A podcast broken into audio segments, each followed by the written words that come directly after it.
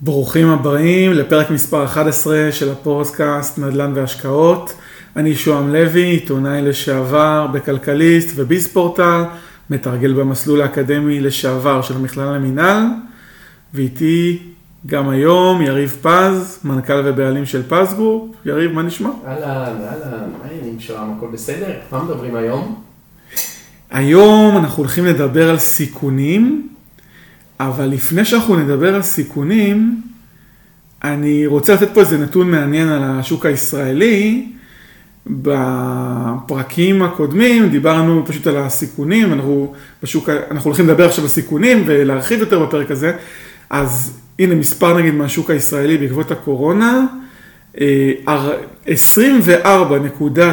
אחוז מהמשכנתאות נמצאות בהקפאה נכון לסוף חודש יוני, שזה אומר ש-24.7% מהאנשים שמשלמים משכנתה באו לבנק ואמרו לו, אל תגבה עכשיו את המשכנתה, תקפיא אותה, בין אם זה שלושה חודשים או חצי שנה, בין אם יכולים לשלם או לא יכולים לשלם, ופשוט תעצור.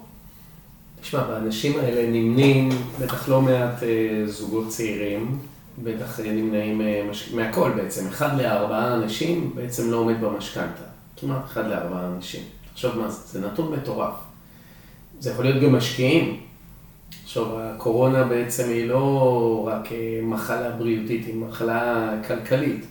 תחשוב מה זה יכול לעשות למחירים. אתה יודע, אתה קונה דירה, אתה אומר לעצמך, טוב, לא, לא יקרה כלום, הכל ירוץ חלק, כי יהיה לי דייר, והדייר ישלם שכירות, יהיה לי משכנתה, יהיה לי מקום עבודה, יהיה לי הכנסה פסיבית, ולא כך. וזה משהו שמשקיעים חייבים אה, לדעת. שלא רק משקיעים, בכלל, אתה יודע, חיים מאוד נזילים. מי בכלל חשב, היינו יושבים פה לפני שנה, עושים פודקאסט, מי היה חושב בכלל שנדבר על איזושהי מחלה שגרמה לאיזה שיתוק כלכלי של כל האנשים. זה לא פסח אפילו לא על בן אדם אחד. אה, נראה לי שלא לא, לא, לא היינו בכלל מעלים על דעתנו שיהיה, אה, שיהיה כזה דבר. אבל משקיעים צריכים לדעת שבכל השקעה, בכל רגע שאתה לוקח את הכסף מהבנק ועושה איתו משהו, בין אם זה שוק ההון, בין אם זה נדל"ן, בין זה לא יודע מה, אי-ביי, אמזון, חנויות, הכל, הכל, הכל, יש סיכון שצריך לקחת אותו בחשבון. אני רוצה, אנחנו מתחילים פה את הפרק על סיכונים, ואני רוצה לדבר איתך על הדבר שהכי מפריע לי בסיכונים. מה שהכי מפריע לי בסיכונים, זה שגם אנשים שמשווקים השקעות, גם מומחי נדל"ן, גם אנשים בכלל, אף אחד לא רוצה לדבר על סיכונים. אנשים לא רוצים לדבר על סיכון, זה תמיד בסוף, זה תמיד לא על השולחן, זה תמיד לא יכול להתממש. אתה יודע מה? זה מרגיז אותי. אני ממש רואה שאתה נרגז.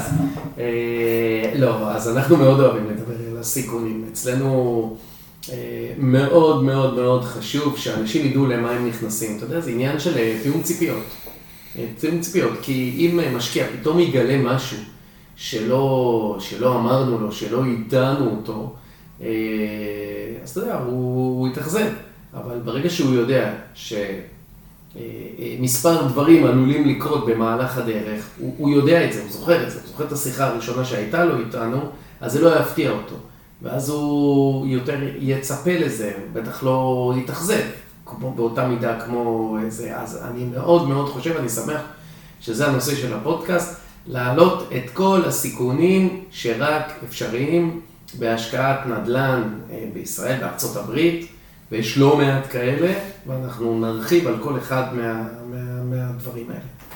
אז אני אדבר על סיכון בנדל"ן, מה הסיכון שהכי עולה לך לראש, שהכי מדאיג אותך בתור משקיע? טוב, אז ככה, קודם כל, נדל"ן זה נדל"ן, אבל uh, נדל"ן זה גם 50% אנשים, זה לא רק בלוקים, בסדר? זאת אומרת שיש לך לקוח אחד בדירה uh, שהיא שלך, והוא בעצם הלקוח היחיד שלך. עכשיו, אתה יודע, לא משנה איפה הנכס נמצא, ישראל, ארה"ב, הדייר הזה יכול להיות מחר פושט רגל, יכול אה, אה, לחלות, יכול להיות מפוטר מהעבודה, יכולים לקרות לו אלף ואחת דברים שהוא לא יוכל לעמוד בשכירות, אוקיי? אני רואה את זה אה, עכשיו, במיוחד בישראל. אה, אני רואה ביחידות שלנו, אנחנו מתחילים לראות מגמה של אה, צ'קים שחוזרים בתדירות גבוהה יותר.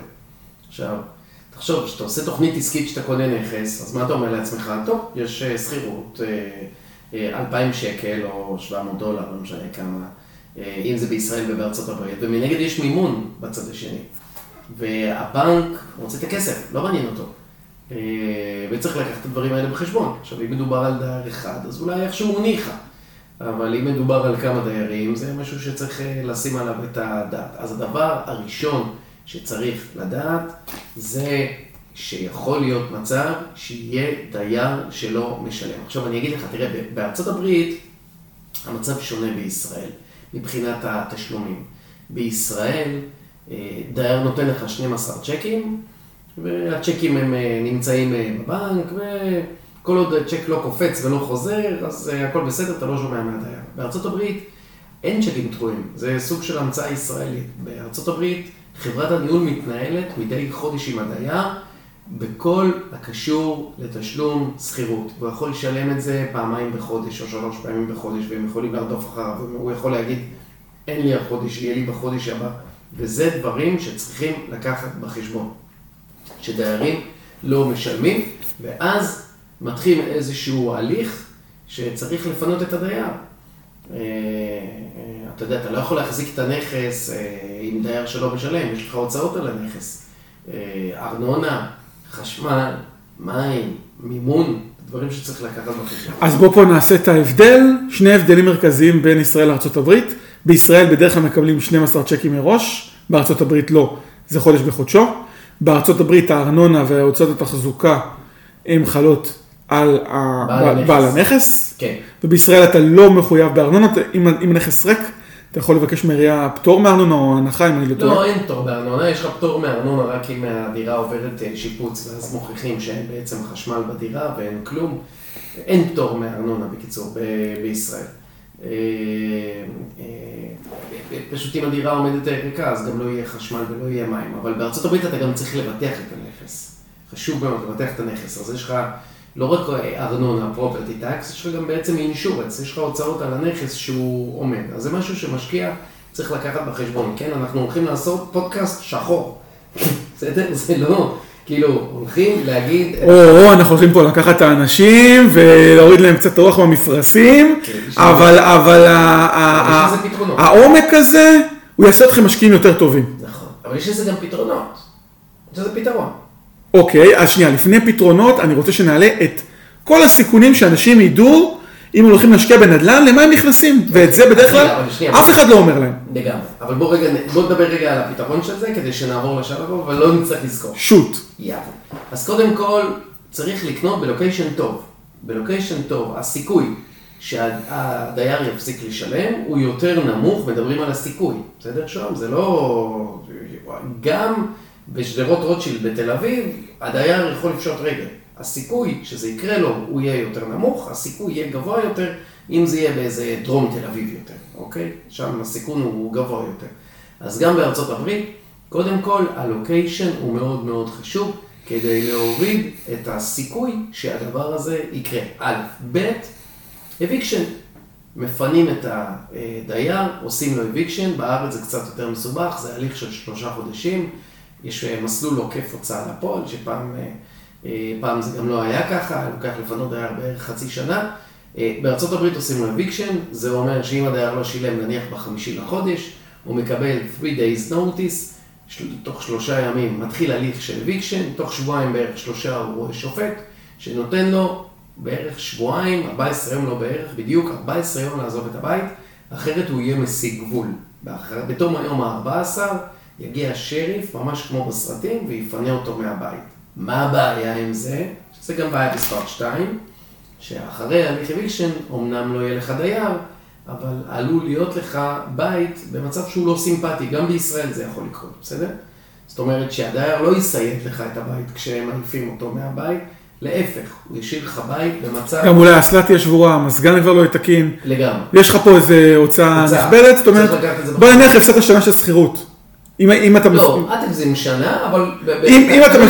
כמה הוא עצבני עליך. אוקיי, נניח אה, מקרה קיצוני, הפסדתי שנה שכירות בדייר שאני מפנה אותו. נכון. אתה צריך לקחת את זה בחשבון. צריך לקחת את זה בחשבון. זאת אומרת שאם אתם משקיעים ואין לכם רזרבות ואין לכם אורך אה, רוח, אורך נשימה, להפסיד שנה של שכירות, זה לא משהו שכולם יוכלו להתמודד איתו. זאת אומרת, אז באופן כללי, בשביל זה גם אנשים בעלי חוסן פיננסי ואיתנות פיננסית, הם רוצים יותר להשקיע בנדל"ן, כי הם יכולים לקחת את הסיכון ולספוג את ההפסדים האלה, הם לא תמיד קורים, הם מקרה קיצון, אבל הם מאוד אפשריים. נכון, אל תשכח אבל גם, אה, שון, שאם אתה עכשיו לוקח 80 אלף דולר וקונה נכס בארצות הברית, ועכשיו לא הרווחת שנה, אל תשכח שאם אתה תשאיר את הכסף הזה בבנק, גם לא תרוויח כמה שנים טובות. כן, אז חשוב גם לשים את זה בפרופורציות. אז בארצות הברית פשוט הפסדתי את התשואה האלטרנטיבית, זאת אומרת. התשואה התחליפית, וזה לא כזה נורא. נכון. ובישראל אבל זה יכול... משהו שצריך לקחת את זה בחשבון. כן. זה מצב שדייר לא משנה, אה, לא תסתכל, אם אני מסתכל על זה גם כלכלית ומימונית, המחיר של זה הוא, הוא מבאס, אתה יודע, אם אני אשווה את זה אפילו לשוק ההון, בשוק ההון לפעמים יש לך שנים שאתה מפסיד כסף, נכון. שהתשואה שלילית. אז פה נגיד היא מאופסת, היא עוד טיפה שלילית. כן. אז הסיכון הוא אפילו קצת יותר נמוך אפילו ממניות, למי שמשקיע לטווח ארוך. קודם כל, אני, אני, אתה יודע, אתה מייצג את שוק ההון, אני מייצג את שוק הנדל"ן. אני חושב שאני, היה לי שני מפגשים עם אה, שוק ההון שהפסדתי בהם, וזה היה השיעור הכי טוב שלי, לא להשקיע יותר בשוק ההון. אז אני מייצג את הנדל"ן מהצד שלי. אני חושב שהנדל"ן הוא הרבה יותר יציב, הרבה יותר טוב, עם כל הסיכונים, הרבה יותר יציב, הרבה יותר טוב, הרבה יותר בטוח. הבנקים עובדה נותנים מימונים גבוהים, אם תיקח מהבנק הלוואה של 200 אלף שקל לקנות מניה, הבנק לא. בחיים לא. טוב, אבל בואו, אנחנו פשוט סוטים קצת מה- מה- מהנושא. נכון. דייר לא משלם, ב' דייר לא משלם. אוקיי, בוא נדבר על אה, אסונות טבע. בסדר, יש עכשיו קורונה, אז אף אחד לא מפתח אותי נגד הקורונה, אבל מה עם שריפה ועם רעידות אדמה? מה עושים במצבים כאלה? תגידי את זה לגבי ישראל ולגבי ארה"ב. אוקיי, אז ככה, בישראל אין יותר מדי אסונות אה, בטבע, טפו טפו טפו, אנחנו בסדר, אה, למעט באמת אה, אה, קורונה וכאלה שזה בכל העולם, אין מה לעשות, אם הדיירים לא משלמים, הם לא משלמים. אה, אין, אין לזה איזשהו פתרון שאיזה ממשלה נתנה את זה. דרך אגב, אה, דיברנו על זה, אני חושב, באחד הפודקאסטים הקודמים, שביוון הממשל החליט שדיירים לא ישלמו שכירות במשך שלושה חודשים. החליט. או, רגע, אז עלית פה על עוד אה, סיכון מאוד מאוד מאוד מאוד חשוב ומעניין, התערבות חיצונית. בהתאם לממשלה יכולה להחליט משהו לגבי שוק הדיור ולגבי... כן, אבל זה מקרה מאוד נדיר. אוקיי, אבל זה יכול לקרות גם פה. זאת אומרת, הגוברמנט, הממשלה, יכולה להחליט איזשהו כלל, יכולה להטיל לך איזושהי... יכול להיות. תראה, קודם כל פה הם אה, כן אה, משפיעים, אתה רואה את זה. אחוז מימון גבוה יותר, אחוז מימון נמוך יותר, מס שבח, פטור ממס שבח. כן, אבל היא יכולה עכשיו להחליט עוד חצי שנה שבגלל הקורונה אז אנשים לא ישלמו שכר דירה. למשכירים שלהם. נכון, אבל זה מקרים באמת אה, נדירים. נדבר רגע על נזקי טבע, שזה משהו שיכול לקרות בארצות הברית, נשאר עם. נזקי טבע, אוקיי. שריפה, רעידת אדמה. בג'קסונוויל, היינו משקיעים בשנים עברו בג'קסונוויל, אז יש שם אה, סופות, פלורידה. יש אה, סופות, אה, אה, אה, ברגע, יש אה, בארצות קרות, במדינות קרות, בארצות הברית, יש גם אה, אה, המון עצים בגלל הרוחות שיכולות ליפול על הבתים. זה דברים שהם קורים, לא, לא צריך קורונה בשביל זה. גם לזה יש פתרון אבל, אגב, זה ביטוח. לא לשכוח לעשות ביטוח לנכס. אם עשיתם ביטוח, אגב, גם שריפה של בתים. יש לנו משקיע שהבית שלו נשרף. קיבל אמנם פי שתיים מהביטוח, אבל עדיין, עד שקיבלנו את הכסף, לקח איזה כמה חודשים שהוא היה די בחשש שאולי הכסף שלו הלך.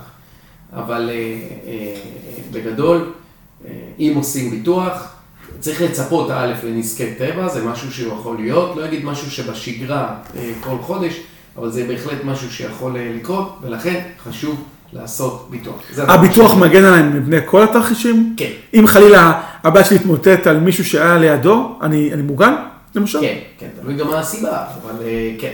אוקיי, בסדר, נניח שאני דאגתי לתחזוקה ולא קניתי נכס גרוע ובאמת עשיתי... כן, יש חברת ביטוח סטייט פארם, זו חברת ביטוח הכי גדולה בארצות הברית, זה כמו אצלנו מגדל, מנורה וכל החברות האלה, זה באמת חברת, חברת אה, ביט- אה, ביטוח אה, הכי גדולה, באמת, אנחנו יש לנו ניסיון אה, טוב איתם, הם באמת, אה, הם, הם שולחים חוקר פעם אחת, לשאול רק מה היה, שם הם יוצאים, לא יוצאים מנקודת הנחה כמו פה, אתה משקר, עכשיו בוא נתפוס על מה, שם באים באמת להבין מה הייתה הבעיה, אה, אה, ומקבלים את הכסף. זה הבעיה מספר 2. יש בעיה מספר 3, שזה גם קרוב לזה, אפרופו מה שאמרת מקודם, זה התחזוקה של הנכס.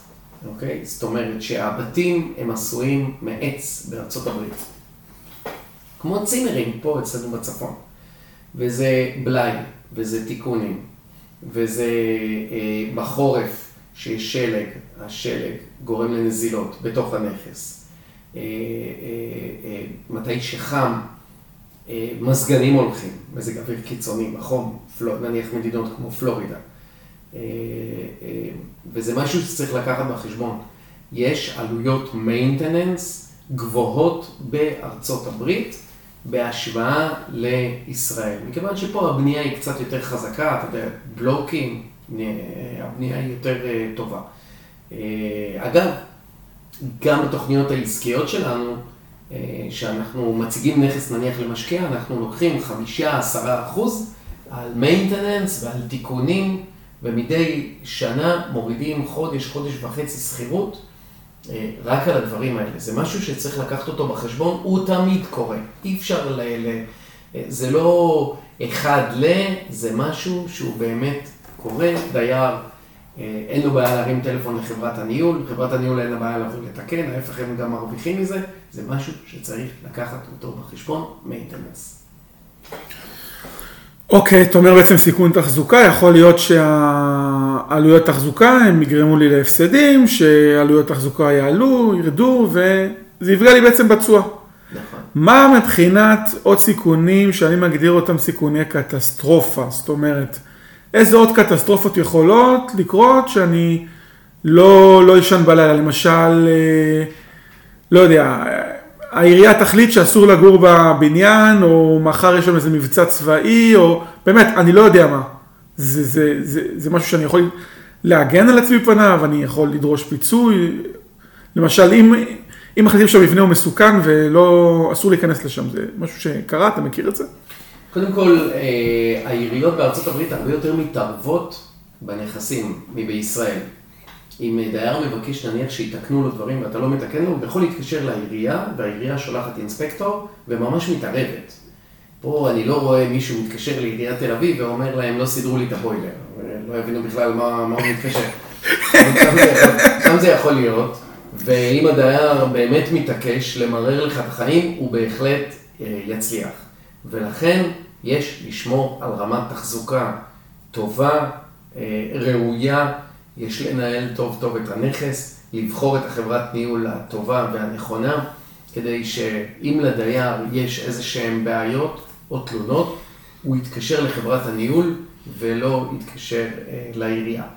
הקטסטרופה אה, היחידה, אגב, יש, יש עוד דבר, יש עוד דבר, הנה, עכשיו אני נזכר, קטסטרופה. אה, תשלומי ארנונה. בארצות הברית, אם אתה לא משלם ארנונה, זה לא כמו פה. שנניח אתה שוכח לשלם או משהו כזה, אז העירייה פשוט מעקלת לך ולוקחת לך מהחשבון את אותו סכום, אולי עוד איזה כמה מאות שקלים על ההוצאות. בארצות הברית העירייה מעקלת את הבית, אין בית, הלך הבית. זאת אומרת שאם יש לך בית נניח ששווה 100 אלף דולר ולא שילמת שלוש שנים ארנונה נניח, העירייה פשוט מעקלת את הנכס, איבדת, איבדת את הנכס?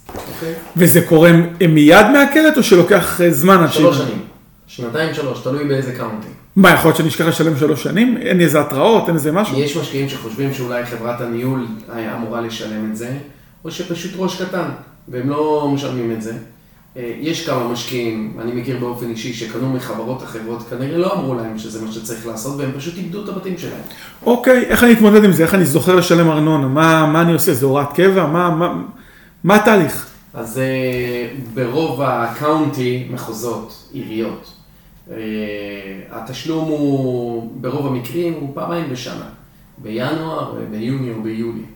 אה, לשים תזכורת, לזכור, תחילת שנה, יאללה, משלמים ארנונה. אני צריך אקטיבית להעביר להם כסף לחשבון בנק? כן, חברת הניהול, אתה יכול לבקש מחברת הניהול שהיא תעשה את זה. אני יכול להגיד לה, תטפלי וזהו, ואני שקט לשלוש שנים, ארבע שנים? לא, תבדוק אותם. תבדוק, אף פעם אל תהיה שקט. אף פעם אל תהיה שקט, זה נכס שלך, עבדת בשבילו מאוד מאוד קשה. תבדוק טוב, טוב, כמו שצריך, שאכן זה משולם. תיכנס בעצמך לאתר העירייה ותבדוק שזה שולם. זה בדיוק שנייה, זה הקלקה על כפתור. אוקיי, עד עכשיו, תראה, התייחסנו מאוד מאוד לסיכונים. רגע, שער דולר. או. אז, אז, לעשות סיכום? אז רגע, לא, לא, לא, לא, לא, אני לא עושה סיכום, אני רוצה להגיד דבר כזה. עד עכשיו דיברנו על סיכונים תפעוליים פחות או יותר, נראה לי שכיסינו את הכל. דיירים, אה, תחזוקה וכל זה. עכשיו הולכים לדבר על סיכונים פיננסיים. אז אתה מתחיל עם שער הדולר, רצית להתחיל עם שער הדולר, רצית להתחיל עם משהו אחר. תסביר את הנקודה של שער הדולר, למה היא חשובה והיא קריטית, כי הרבה אנשים לא מבינים את זה, וזה בסדר, זה בסדר גם אם אתם לא מבינים, כי מטח זה משהו שהוא מורכב כלכלית, כאילו צריך להבין את המנגנון. אז תסביר, קניתי בית, ככה, לי שקלים נגיד, אמרתי אותם לדולרים, קניתי בית בדולרים. יצא, באתי לצאת מהשקעה, אני מוכר את הדולרים. למה מעניין אותי שער הדולר? תסביר את זה. תראה, ההשקעה בארצות הברית היא לא רק השקעה נדל"נית, היא גם השקעה פיננסית. למה? כי אתה אה, לא רק משקיע בנכס, אתה משקיע גם בשער, בשער הדולר. זאת אומרת שנניח יש לנו משקיעים, אנחנו היום אה, נמצאים ביולי 2020, שער הדולר שלושה וחצי שקלים בערך. יש לנו משקיעים שקנו נכסים ששער הדולר היה 3.2, הם הרוויחו. זאת אומרת שגם אם, אם שווי הנכס עלה, גם שווי הנכס עלה וגם הם עשו עוד איזה עשרה אחוז בערך, משהו כזה, על שער הדולר. זאת אומרת, אני רוצה פה לדייק, יש לי גם את הרווח מהשכירות, גם את הרווח מהמכירה בדולרים עד עכשיו, וכשאני בא להחזיר את הדולרים לישראל, קניתי אותם ב-3.2 ואני מוכר אותם נגיד ב-3.4, יש לי עוד רווח, שזה נכון. 3.4 חלקי 3.2 פחות 1 כפול 100. נכון. מי שרוצה פשוט להבין את המתמטיקה שמאחורי זה, כמה זה בעצם נכון, עלה. אבל מכיוון שזה פרק על סיכונים, אנחנו לא מדברים על דברים... אז, אז בואו נגיד ההפך, שקניתי ב-3.7 ואני צריך למכור ב-3.2. נכון. אז, אז רגע, אז בואו רק נסביר. אז תשאיר את הכסף. מי שחלילה רוצה לדעת... תשאיר את הכסף בדולרים, אל תמכור. אוקיי, זה התמודד. מכרת את הנכס, רצית למכור את הנכס מכל סיבה שהיא. אוקיי, מכרת את הנכס, כנראה הרווחת על הנכס, אתה מקבל את הכסף בדולרים, הדולר, אה, אה, הדולרים מועברים לישראל, פשוט תשאיר את הדולרים עד ששער הדולר יעלה ל-3.7, כמו שאתה רוצה, או שפשוט אל תמכור את הנכס. כן, אני גם יכול להשתמש בזה או לעוד נכסים לקנות. או גם אה, לבזבוזים בחו"ל, לטיול, רצית טיול בארצות הברית, אז תוכל לפדות אותו מהחשבון הזה, תוכל להשתמש או יש לך הוצאות בדולרים, אתה רוצה לקנות בפייפל, באמזון. לגמרי. למרות שזה עדיין, טוב, זה לא, לא מייצר לך הפסד, כי כן, כי אתה צורך את זה באותו מטבע. זה מייצר לך הפסד אם אתה מממש את זה בשער דולר נמוך יותר. כן, אם אתה, אם אתה לוקח את זה חזרה לישראל, אז אתה מפסיד. אני רוצה לדבר פה על עוד סיכון, וגם הזכרנו אותו בפרק על המשבר הסאב פריים. נכון, אמ, אנחנו לא תמיד, אנחנו לא לוקחים מימון מארצות הברית, אנחנו לפעמים לוקחים מימון מישראל, ולפעמים המימון הזה הוא בשער ריבית משתנה או צמוד למדד, ולפעמים הוא גם מט"חי. אגב, אפשר גם, עוד איזשהו רעיון מעניין, אפשר, דיברנו בזמנו על הלוואה לכל מטרה, אז אם בנק מאפשר לי נגיד לקחת הלוואה בדולרים, ואני קונה בית בארצות הברית בדולרים, אז אני יכול להתקזז עם ההכנסות בדולרים כנגד ההלוואה בדולרים, שזה מטבע מול מטבע, וזה נקרא גידור טבעי. נכון. נכניס פה איזשהו... נכון. תראה, אני, אני אגיד לך, אני חושב שאם יש משקיע שהוא יחסית אה, מתחיל, שיש לו הכנסה שהיא מאוד נמוכה, והוא שוקל לקחת הלוואה כדי לקנות נכס בארצות הברית, הייתי אומר לו לא לעשות את זה. לא לעשות. למה? כי אם אין לך איזשהו חוסן פיננסי, וזה הכסף האחרון, זה אפילו לא הכסף האחרון שלך, כי זה כסף שהוא לא שלך. אה, דיברנו על סף השינה, שאתה ישן בשקט בלילה. נקודת השינה. נקודת כן. השינה. כן. אה, לא הייתי ממליץ לעשות את זה. אני באופן אישי עשיתי את זה, אבל לקחתי בחשבון שיכול להיות מצבים שהנכס יעמוד או שיקרו דברים ואני עדיין אעמוד בהלוואה. ולכן, אם יש משקיע שהוא יכול לקחת אה, הלוואה, אבל. אין לו, אין לו אה, יכולת החזר גבוהה, והוא באמת בונה ב-100% רק על הדייר שישלם, שלא יעשה את זה, כי הוא לא ישן בשקט בלילה. מתי כן? אם אתה עובד במקום עבודה אה, אה, שמשלם לך ממש טוב, או אם אתה עצמאי, בכל מקרה, אם אתה מרוויח מאוד מאוד טוב, אתה לוקח את ההלוואה, אתה בקושי מרגיש אותה גם, וגם אם הדייר ישלם או לא ישלם, הכל בסדר, אתה לא... אה, אתה תישן בשקט בלילה, לאנשים האלה הייתי ממליץ לקחת הלוואה. בכל מקרה אחר, ממש ממש ממש לא. אוקיי, אמ, יש עוד איזה סוג של סיכון שפה, שאולי עולה לך, או שאתה חושב עליו, נגיד, יש אולי עוד איזשהו גורם שיכול אולי לקחת ממני את הבית, רגע, מה...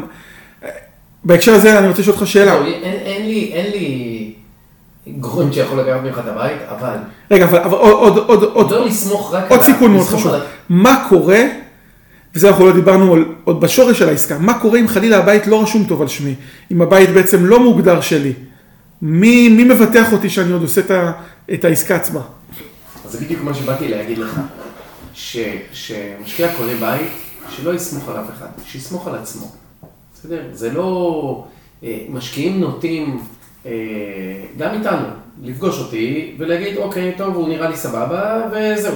הם בוחנים אותי ולא את הנכס. ואני מאוד מאוד שמח, וזה מאוד מאוד מחמיא לי שהם נותנים לי את המושכות, אבל יש יזמים שאתה יודע, יכולים אה, לנצל את זה.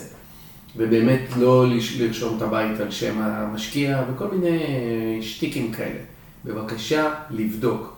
תבדוק איפה אתה קונה, תבדוק שאתה קונה במחיר הנכון, תבדוק את, ה, את, ה, אה, אה, תבדוק לא רק את היזם, תבדוק את כל הפרטים שהבית רשום על שמך. אפשר לראות את זה ב county. נכנסים, לא משנה איפה אתם קונים, יש county. ב county עצמו, לראות שאתם רוכשים את הבית. רגע, מה, מה זה county? תסביר, תסביר טוב פשוט. שאתם עושים עסקה. תסביר את זה לאט, שממש אנשים ידעו ויבינו. title company זה כמו עורך דין נאמן פה בארץ, והוא בודק שאין שיעבודים על הנכס, אין עיקולים על הנכס, והנכס, מה שנקרא, טבולה ראסה. קניתם את הנכס, הוא שלכם, אין עליו חובות, אין לינים, אין כלום. לכן חשוב לסגור עם טייטל קמפני, אוקיי? זה דבר אחד. מעבר לזה, אה, אה, אה, שחשוב שהנכס עצמו, אחרי שאתם מקבלים את כל המסמכים של הרכישה והקלוזינג ואת כל הזה, לבדוק במחוז, זה נקרא county, כמו שאתה נכנס לאתר עיריית הרצליה, נניח... איך, איך אני מוצא בכלל את האתר הזה? איך... אה, נניח אתה קונה ביוסטון, טקסס. תעשה בגוגל, יוסטון, טקסס, זה county. אוקיי? אבל זה דברים שאתה צריך לדעת את זה מראש. זאת אומרת שאתה לא אמור לקנות ואז לדעת, רגע, בוא נחפש את ה county. לא, אתה אמור לדעת את הדברים האלה מראש. אז או שתיקח קורס, או שתקרא ספר, או שתקרא באינטרנט, או שתחרוש אה, אה, עם יזמים, תשאל שאלות, תשאל אנשים שיעשו את זה, אבל בבקשה, לא לעשות את זה כאילו בלי ידע בכלל. לקרוא, לפחות משהו בסיסי, או לעשות את זה עם מישהו שבאמת אתם סומכים, אבל שלא לא ללכת שבי אחריו, לבדוק אותו, לבדוק את הכל, בכל צד שלו. אז בוא נגיד, העצה הכי טובה, אני רוצה פה פשוט לסכם את הפרק, העצה הכי טובה בסיכונים, אל תסמכו על אף אחד. נכון. תבדקו הכל מכל הכיוונים, וגם תחשבו מה אתם עושים אם קטסטרופה מתרחשת. אם, אם שנה שלמה הנכס עומד ולא מוזכר. לא, זה לא אמור להיות ככה. בוא נגיד, אוקיי, אני פשוט אמ, לוקח... נתנו קודם את הדוגמה שאם הוא עשה נזק על פני שנה שלמה. נכון, אבל... לא יכול להיות מצב של נכס, לא וואי, זה ממש... אז עשיתי משהו ממש... כן, לגמרי. ממש ממש גרוע, זאת אומרת, אבל בוא נגיד, אבל שלושה חודשים עד חצי שנה זה יכול לקרות, אז אתם צריכים להיות מסוגלים להתמודד עם סיכון של חצי שנה שיש בעיות בשכירות ואתם לא יכולים לשלם. אז ככה, אז דיברנו גם על סיכונים תפעוליים וגם על סיכונים פיננסיים. של, אז דבר אחד אני רוצה להוסיף לגבי סיכונים פיננסיים, שיכול להיות ששיעור הריבית יעלה, ואז אתם תצטרכו להחזיר הלוואה, סכום הלוואה שהוא יותר גבוה. אז תמיד תדאגו לפער פער משמעותי בין החזר, בין תשלום השכירות החודשי להחזר ההלוואה החודשי.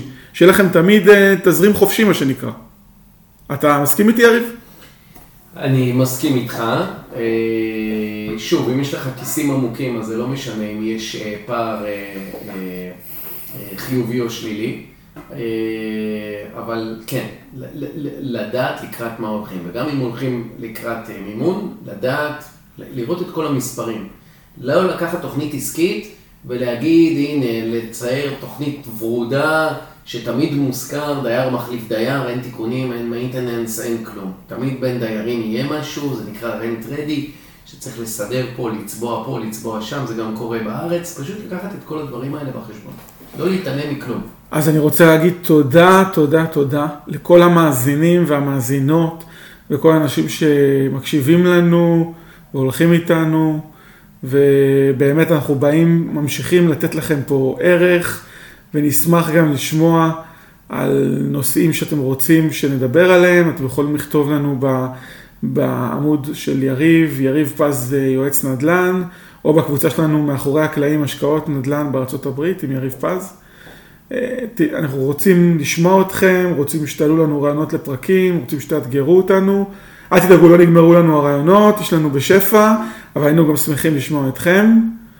אז אה, יריב, תודה רבה על פרק אה, ממש מעניין, לסיכונים. תודה, תודה, תודה רבה. תודה שהערכת אותי. תודה, להתראות.